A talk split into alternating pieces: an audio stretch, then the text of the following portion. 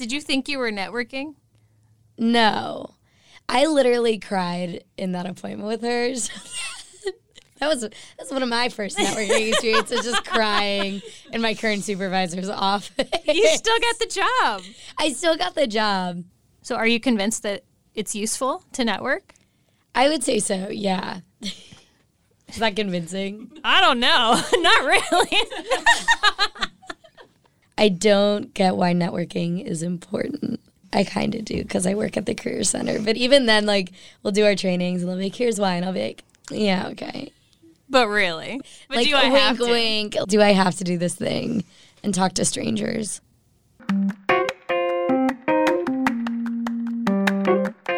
You're listening to Work in Progress, a podcast that helps you understand and navigate the world of work. Work in Progress is a podcast that belongs to the Teej FM network. That's T E E J dot FM. Tune in and subscribe on Apple Podcast, Spotify, and on the UVA Career Center website. For more resources, follow the UVA Career Center on Facebook and Instagram. I'm your host, Jesse, and I'm a career peer educator and a UVA student. And I'm your host, Kate, and I'm a career counselor at the UVA Career Center. This week on Work in Progress, we talk networking. It's story time. I love stories. I hope you do because it's story time. Yes. What was your first job? My first job, technically, was working in the ski rental shop at Wintergreen, and I got that from a friend. Really?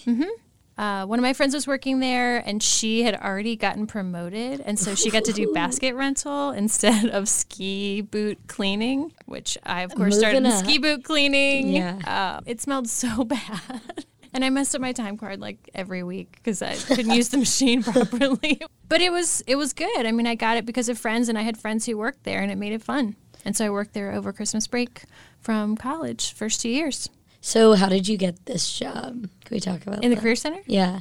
We can't talk about that. So when I was in graduate school, it was 2009. The economy was garbage, and there were just no jobs in Charlottesville. No jobs, none. And then somebody who was in the PhD program with me, I was a master's student, called and said, We're going to have a going away party for one of the professors. Do you want to come to lunch? So I went. We were sitting at lunch, and she said, Three people just left the Career Center. You need to call them right now.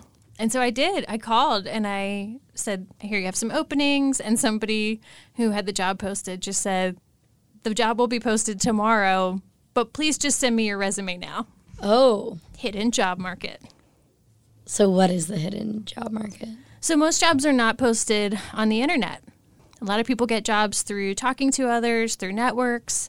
A lot of people get jobs just by being at the right place at the right time, but that's not really helpful because Yeah. you can't plan any of that. So that's why I want to talk about networking.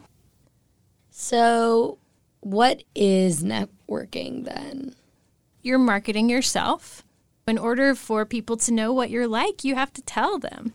I think the word networking is the tricky part. It feels competitive. It feels like I have to build this web.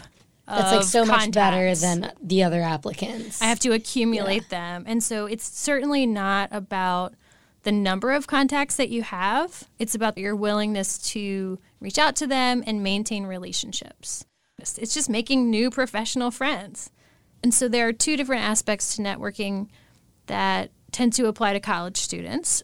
One is to just get more information, and that's really just trying to figure out where are my skills valuable? Where can I use some of my interests in social issues or mm-hmm. some of the things I've been learning about in college? Just very, very broad questions. The other has to do with trying to get closer in to an organization or an industry that's hard to break into. Just so that we're clear, this is not something that's specific to the business world. It doesn't matter what industry you're interested in, this matters so much. The other reason why it's important is that there is a hidden job market. Not everything is posted online, and even the things that are posted online might not be entirely accurate, and so you sometimes need to go out and get more information. So, are you convinced now that it's important to network? Yeah, I because Can I just like aside? This is a really difficult episode as a student, like Yeah. talking about networking. But I think the point particularly about the hidden job market is really important and I hadn't considered that. And then also too, one thing that really spoke to me was how you can build your own skills from that and like what it looks like to engage with people you might not typically talk to or work with. My heart is warm. So, in our next segment, we're going to play a little game. Ooh. When you're networking, you never know who the person's going to be, what's going to be uncovered, and what tools you're going to have to use in that moment. And so, we're going to talk about some scenarios and what you might need to do in these different situations. Okay, that sounds great. Are you ready? Yes. It's Global Week, and Chemonics, an international development organization, is doing a panel in the Career Center. And you need to approach one of the panelists with a question because you really liked what they had to say. How would you network with them? Okay, so hopefully I was taking notes during it or just paying attention. So reflect on that after and kind of be like, okay, what what am I interested about what they said? What is a specific question I can draw from this? Because you don't want to go up and just be like, hey, that was like so good. And be like, yay, networked, like did it. But instead being like, okay, I was really interested in this point they made about like company culture, maybe I could just ask about what that has looks like for them in more detail. Like it can be that simple. Like I was interested, you said this. Can you just talk about that a little bit more? Then just seeing where the conversation goes. I think the episode we had earlier about career fairs and how you'd approach that, I think is really similar, where you start with sort of this initial question and then just see where the conversation goes. Keep in mind your goal for that conversation, and towards the end, have some sort of like future follow up. So get their email, get their phone number, and just briefly say something like, I'd be really interested in talking more about this. Like, could I reach out to you by phone or email and see what they say? Um, just to build longevity I think that's a great point. I think following up is really important. Just sending a quick email, maybe mentioning one of the things that you talked about, making sure that if you say you're going to follow up, really doing it is yeah. helpful. Asking if they would like to connect on LinkedIn. There's even a feature where you can find all the people who are near you. Really? On LinkedIn. So if I had it open right now, I would see all of your profiles and we could connect that Are way. you joking? No, I'm not. That's horrifying. So it depends on how masterful you want to be in any case, follow up. That's extremely important. Okay, next one.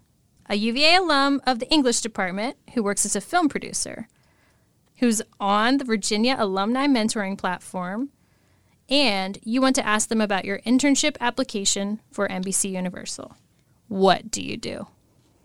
Okay, this is actually a great example because I've already used the Virginia Alumni Mentoring Platform. Virginia Alumni Mentoring or VAM is really easy to connect to people. You press the Let's Connect button with this person, and then you can sort of pick from three options. One is sending a quick message, one is establishing a semester long mentorship, and the other is a phone call. And it actually gives you a template for like how you could possibly introduce yourself. So what I would do is use that little messaging platform, look at the template, and then just include like Hi, my name is Jesse. Um, I'm an English major. I'm really interested in getting into film and film production. I'm not entirely sure what that looks like.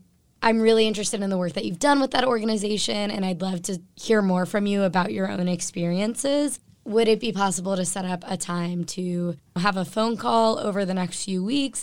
Just let me know what works best for you. These are some days that look good for me. Thank you so much for your time let me know what you think, you know, Jesse. Beautiful. Thank you. Beautiful. So basically, what you just outlined is a formula that I would definitely recommend to any student who's reaching out through a virtual platform, whether it's Virginia Alumni Mentoring, LinkedIn, any other system that you might be using. You want to start with a little bit about yourself, mm-hmm. say who you are so you don't seem creepy, a little bit about the fact that you're a student and where you are in your process, whether it's mm-hmm. internship, just exploring, or you're about to graduate. Some sort of compliment. I'm interested in your career, or I appreciate that you were in the same major as me and you've obviously been very successful. Some kind of call to action. So, what exactly do you want from them? Would you like a phone call? Would you like them to answer some questions via email? Would you like them to tell you about their internship program? And then gratitude which you did an excellent job with, of course. Oh, thanks. Okay, last one. So this one's a little bit more about follow up. So you see a job posted online and you're really, really excited about it. And then you remember that you did an informational interview with someone working there two years ago. And you don't know what to do, but you're so excited about the job. Dun dun dun. I'm at a loss. What do I really don't know what you do because I don't want to reach back out and be like, "LOL, would love a job with you." Also, remember when we talked two years ago? That was fun. Why? Why can't you do that? The leech thing, like it's just it Why? always goes back. It's to the been leech. two years. How are you leeching? just it just seems like you're like only talking to them when you need something. It's opportunistic. Is that what you mean? Yeah. Just like LOL, love this super intimate relationship that we built where we haven't talked at all and I've only reached out when there is some sort of professional gain for me. So think about it this way. It would it would be a lot more awkward if you contacted them every week and gave them updates on what you're eating right now and hey, I just uh, made my new class schedule. That's awkward. Using a networking website like LinkedIn to tell people that you're interested in a job at their company is extremely normal. It's just that you haven't done it yet Okay. and it's going to be very normal. So, a couple of thoughts about how to bridge the gap would be to use LinkedIn or other social media to your benefit. So, you can actually post content and you can have a news feed full of information all about whatever it is you're interested in. So, what's a company you'd love to work for someday? I think Brookings Institute would be a cool opportunity. A nonpartisan think tank. Correct. Okay. So let's say you're super into this nonpartisan think tank and you talked to somebody there two years ago because they were on grounds or because they were in VAM. And then in the meantime, after you had the conversation, go follow Brookings on LinkedIn and follow that person and maybe comment on the things that they're saying on LinkedIn sometimes when it feels relevant or when you're interested in what they've said. Not everything has to be a one to one conversation or you forcibly creating content just to have an excuse to talk to them. There are passive ways for you to let people know hey, I'm really interested in this topic, I'm engaged in this professional material.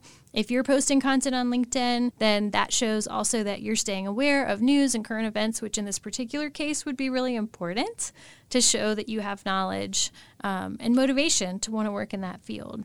So, I think there are passive ways that you can also kind of maintain a relationship, but know that if you're connected through a system, it's perfectly okay for you to get back in touch with someone. And that's why they're on a networking website. Mm. They would not make Yeah. the choice to do that if they didn't want to be on a networking website. So just try to remember that.